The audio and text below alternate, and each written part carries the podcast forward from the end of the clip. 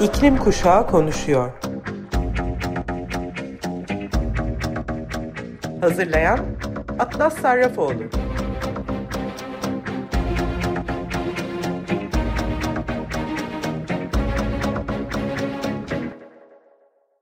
Merhaba sevgili Açık Radyo dinleyicileri. İklim Kuşağı Konuşuyor programına hepiniz hoş geldiniz. Ben Atlas Sarrafoğlu. 15 yaşında iklim aktivistiyim. İlk olarak size geçtiğimiz hafta içinde Mısır'daki 27. Birleşmiş Milletler İklim Zirvesi öncesinde 65 ülkeden 400'ün üzerinde küresel güney iklim aktivistlerinin bir araya geldiği Tunus'taki iklim adalet kampından bahsetmek istiyorum. Greenpeace 350, Youth for Climate gibi onlarca iklim grubunun öncülüğünde bir hafta süren iklim adalet kampı 26 Eylül'de başladı ve dünyanın en çok etkilenen bölgelerinden bazılarında yaşayanları bir araya getirdi. Kamp iklim uyumu, adalet, enerji ve, ve iklim krizinin orantısız etkileriyle ilişkili kayıp ve hasar etrafında kesişen dayanışma oluşturmaya ve uzun vadeli siyasi ve sistematik değişime yönelik yollar geliştirmeye odaklandı. Afrika, Orta Doğu, Latin Amerika, Karayipler, Asya ve Pasifik gibi bölgelerden genç iklim temsilcileri katıldı. Hindistan'dan katılan bir iklim aktivisti olan 19 yaşındaki Zayne Bri, kamp hakkında şunları söyledi. İklim Adalet Kampı'nın bir parçası olmak bugün karşı karşıya olduğumuz iklim krizini aşma konusunda beni daha iyimser hissettirdi. Biz gençler yarının geleceğiyiz. Bu talepleri dünya liderlerinin önüne koymak için birlikte strateji oluşturmamız ve COP27 ve ötesine hazırlanmamız için harika bir platform. Hindistan'dan katılarak bu fırsatı dünyanın dört bir yanındaki organizatörler ve gençlik liderleriyle bağlantı kurmak, bugün karşılaştığımız sorunların çözümleri hakkında daha fazla beyin fırtınası yapmak ve ülkenin kültürünü, değerlerini ve hedeflerini temsil etmek için kullandım. Kamp, bu gezegende görmek istediğimiz değişim olmak için bir araya geldiğimiz küresel güneyin gençleri arasında öğrenilenler ve işbirlikleriyle doluydu. Mısır'dan 30 yaşındaki katılımcı Hajar El Beltaji şunları söyledi. İklim adaleti için ortak mücadelemizde ortak zemin ve değerler bulmak için farklı geçmişlerden insanların bir araya geldiğini, klişeleri ve engelleri yıktığını görmek ilham vericiydi. İklim değişikliğinin birçoğu mülteci olmuş ve üye ailelerini, aile üyelerini kaybetmiş insanların hayatlarını nasıl korkunç bir şekilde etkilediğine dair hikayeler dinledim. Hepimiz iklim değişikliğinin küresel etkisi hakkında konuşuyoruz ancak bu en savunmasız toplulukların seslerini duymak için güç veriyor.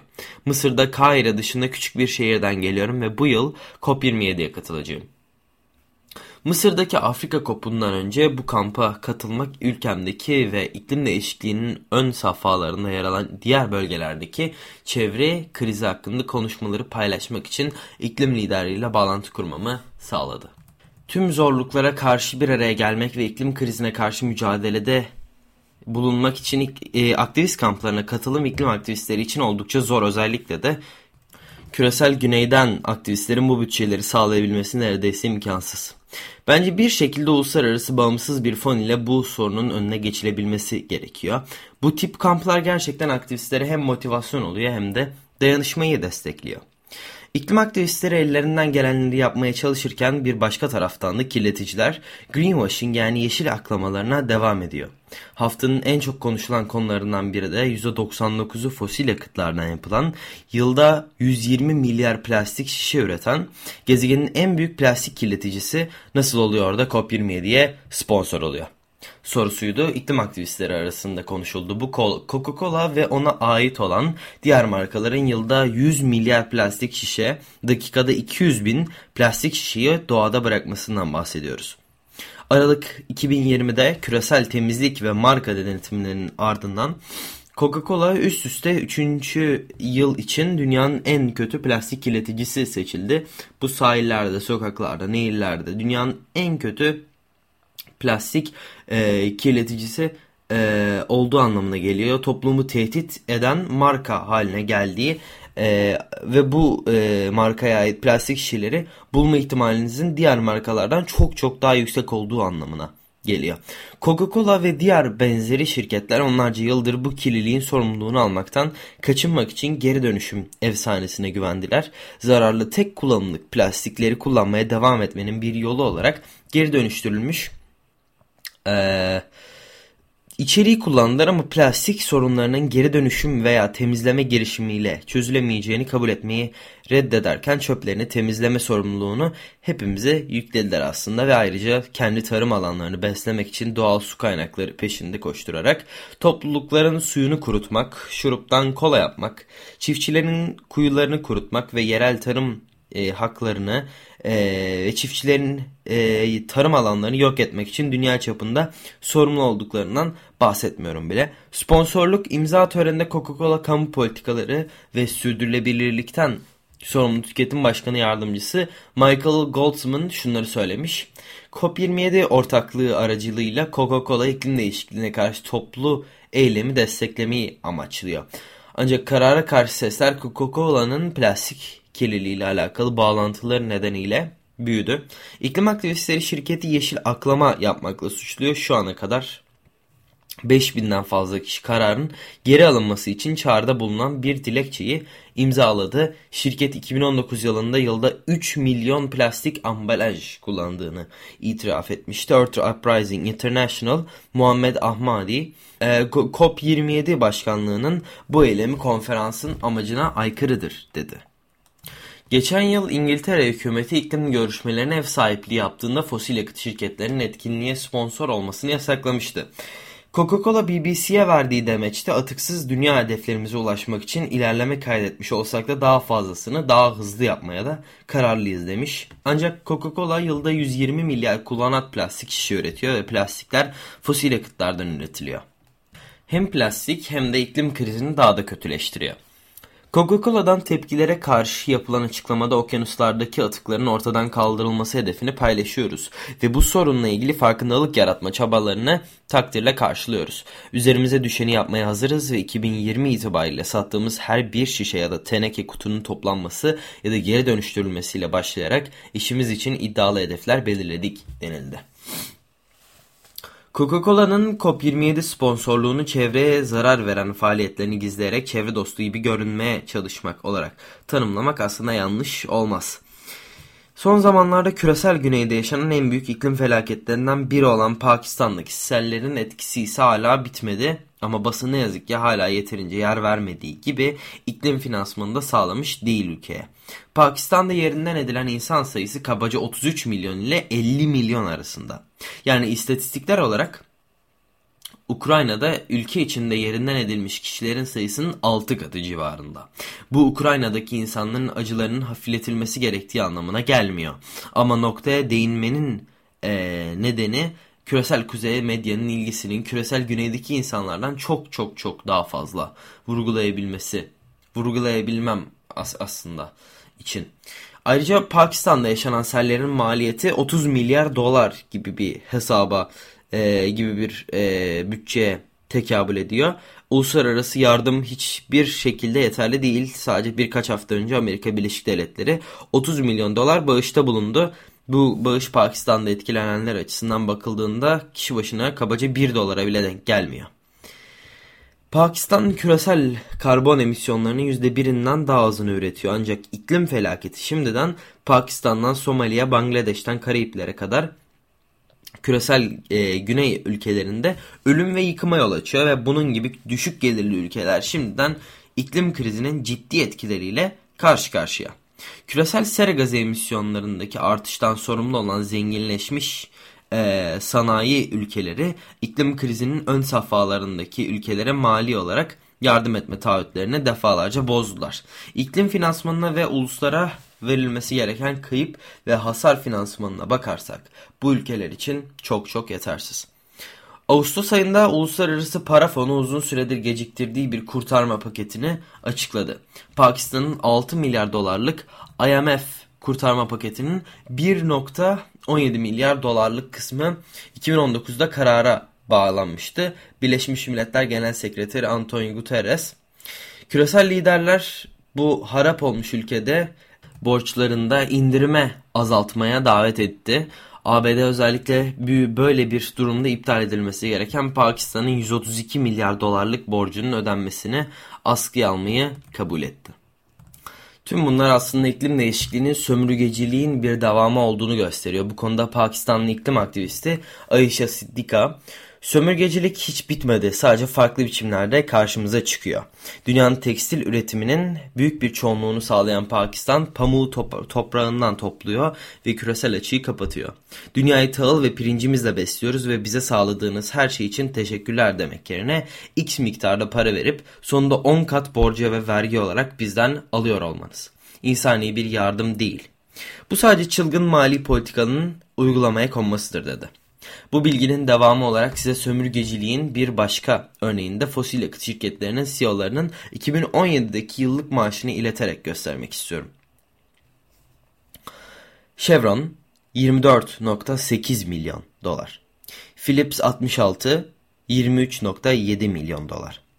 Halliburton 23 milyon dolar. Valero Energy 23 milyon dolar. ConocoPhillips 22 milyon dolar. ExxonMobil 17,5 milyon dolar. Yani sadece bu 6 büyük petrol şirketinin CEO'larının 2017 yıllık kazancının toplamı 134 milyon dolar yapıyor. Tekrar Amerika'nın Pakistan'a ilettiği yardım toplamına bakalım. 30 milyon dolar. İşte sömürü yöntemleri tam da burada kendini açığa gösteriyor. Son 40 yılın en kötü kuraklığının yaşandığı Somali'de küçük çocuklar giderek artan sayıda ölüm gerçekleşiyor. Hükümet yetkilileri daha fazla yardım gelmediği sürece ülkeyi günler veya haftalar içinde daha da büyük felaketlerin süpürebileceğini söylüyor. Yeni bir anket kamplardaki küçük çocukların ve hamile kadınların neredeyse üçte ikisinin yüksek ölüm oranı ile birlikte yerel bir kıtlık ilanının gecikmiş olduğunu gösterebilecek akut yetersiz beslenmeden muzdarip olduğunu gösterdi. Ee, Somali yetkilileri ve uluslararası kuruluşlar bu güneybatı bölgesine yaklaşan bir kıtlık hakkında aylardır alarm veriyor olsa da Doktor Abdullahi Hastanesinin çocuklar için besin takviyeleri de dahil olmak üzere temel öğelerin zaten yetersiz olduğunu söyledi. Bir, Som bir de Somali Savaş'ta çatışma merkezi hükümetin 30 yıl önce çökmesinden bu yana farklı kılıklarda sürdü ve ülkenin neredeyse her yerini etkilemeye erkekleri ailelerinden koparıp bir dizi silahlı grup için çatışmaya, savaşmaya devam ediyor. Ne yazık ki dünya Somali'ye karşı gözlerini kapatmış durumda. Kıtlıktan hayatlarını kaybeden çocuklar var. Şimdi bir de Just Stop Oil e, Londra'daki eyleme bir göz atalım. 1 Ekim'de Westminster'da eylemlerine başlayan Just Stop Oil bir deklarasyon yayınladı. Deklarasyonlarını sizinle ben paylaşacağım şimdi. Bu hükümet fosil yakıt şirketlerinin insanlığın boğazına tutunmasını sağlayarak insanların hayatını mahvetme gibi canice bir karar veriyor. Bu kış İngiltere'de binlerce insan evlerini ısıtamadığı için ölecek. Önümüzdeki 12 yıl içinde kirli havayı solumaktan ise daha fazla söyleyecek. Şu anda küresel güneyde milyonlarca kişi tek bir ölümcül muson felaketi evlerini, topluluklarını ve geçim kaynaklarını yok ettiği için açlığın eşiğinde. Düzenli bir sivil toplumla kumar oynuyoruz ve şu anda hayatta kalma şansımız bize karşı duruyor. Kibarca talep etmekten vazgeçtik. Gösteriler ve yürüyüşlerle işimiz bitti. Yozlaşmış siyaset kurumuyla işimiz bitti. Hükümet yeni petrol ve doğalgaza son vermeyi taahhüt edene kadar Westminster'da şiddeti içermeyen bir sivil direniş bölgesi ilan ediyoruz. Bu bir günlük bir olay değil, suçlu bir hükümete ve onların soykırımcı ölüm projelerine karşı bir direniş eylemidir. Destekçilerimiz bugün, yarın ve ertesi gün ve ondan sonraki gün ve talebimiz karşılanana kadar her gün Birleşik Krallık'ta yeni petrol ve gaz kalmayana kadar buraya gelecekler. Bildiğimiz ve sevdiğimiz her şey kasten yok edilirken seyirci kalmayacağız. Bunu yapıyoruz çünkü yapılması gereken doğru şey bu. Ve bu yüzden devam etmek için bir görevimiz, sorumluluğumuz var. Kanundaki değişiklikler gözümüzü korkutmuyor.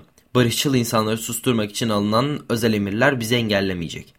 Destekçilerimiz kitlesel açığa, katliama, haklarımızın, özgürlüklerimizin ve topluluklarımızın kayıplarına karşı durduğunda bunların alakasız olduğunu anlıyor.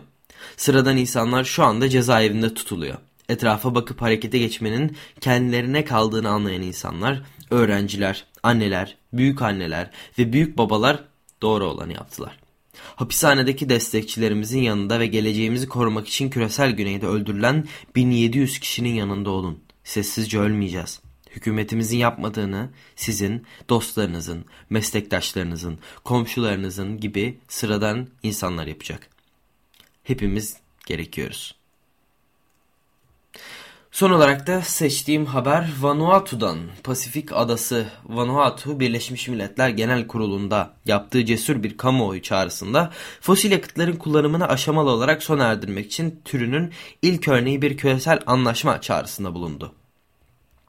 Cumartesi günü New York'ta konuşan Vanuatu'nun Cumhurbaşkanı Nike Nike Vuro Baravu ülkeleri ülkesinin fosil yakıtlarının yayılmasını önleme anlaşması çağrısında katılmaya çağırdı. Kömür, petrol ve gaz üretimini 1,5 dereceyle uyumlu hale getirmek ve fosil yakıt bağımlılığını olan her işçi, topluluk ve ulus adına küresel bir adil geçiş sağlamak için bir fosil yakıt yayılmasının önlenmesi anlaşmasının geliştirmesi çağrısında bulunuyoruz dedi.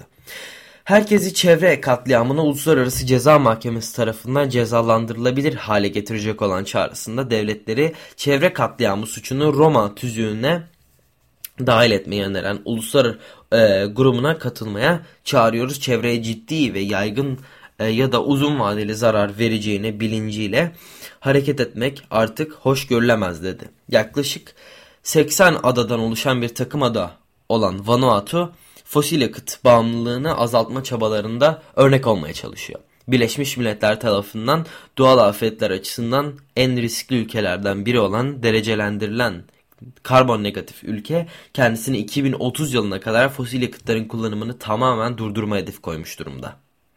Vatikan ve Dünya Sağlık Örgütü tarafından desteklenen anlaşma şimdiye kadar uluslararası alanda 65'ten fazla şehir ve hükümet tarafından desteklendi. Pasifik adası Samoa'dan iklim aktivisti Brianna Frion anlaşmanın geleceğe hayati bir yatırım olduğunu söyledi. Vanuatu gençlerden fosil yakıtlardan geleceğimizin olmadığı çağrısını duydu ve dinlediler dedi. Diğer dünya liderlerinin de aynı şeyi yapma zamanı geldi. Tongalı iklim aktivisti Kalo Afayaki ülkelerin cesur olma ya cesur olmasına ihtiyacımız var çünkü zamanımız tükeniyor dedi. Size iklim aktivistlerinden haberler derlediğim bugünkü iklim kuşu konuşuyor programının da sonuna geldik. Haftaya cuma tekrar saat 14'te programda görüşmek dileğiyle. Kendinize ve gezegenimize iyi bakın. Kapanış şarkısı olarak da size Grounditation'dan Fossil Fuels isimli şarkıyı seçtim. Şimdi onu dinliyoruz. Bir dahaki programda kendinize iyi bakın. Görüşmek üzere.